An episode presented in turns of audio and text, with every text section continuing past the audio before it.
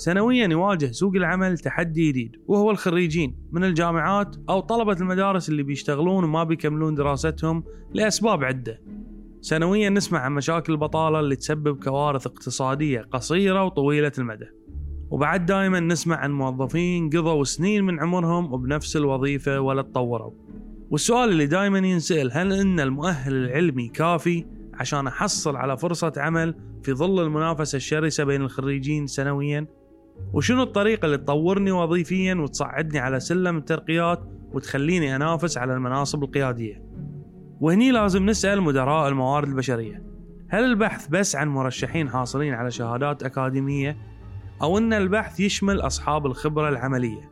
وايد من الأوقات الجواب كان أن الشهادات المهنية تلعب دور كبير في التوظيف والتطوير الوظيفي والشهادات المهنية هي مؤهل في حقل مهني تخصصي دقيق.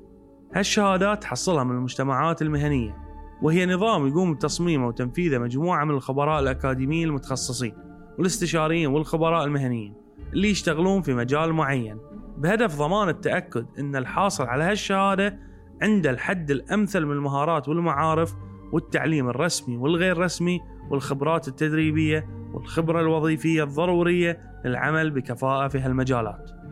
لهذا الشهادة المهنية لها تأثير كبير في قرارات الموارد البشرية لأنها تخصصية وبتعبير عامي تراوي أن صج الشخص يعرف يسوي الشغل.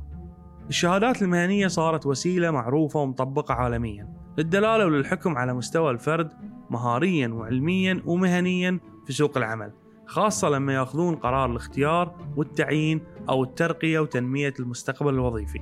لأنها أثبتت بشكل علمي على أنها قادرة على زيادة الإنتاجية وتحسين الأداء على مستوى الفرد والمنظمة.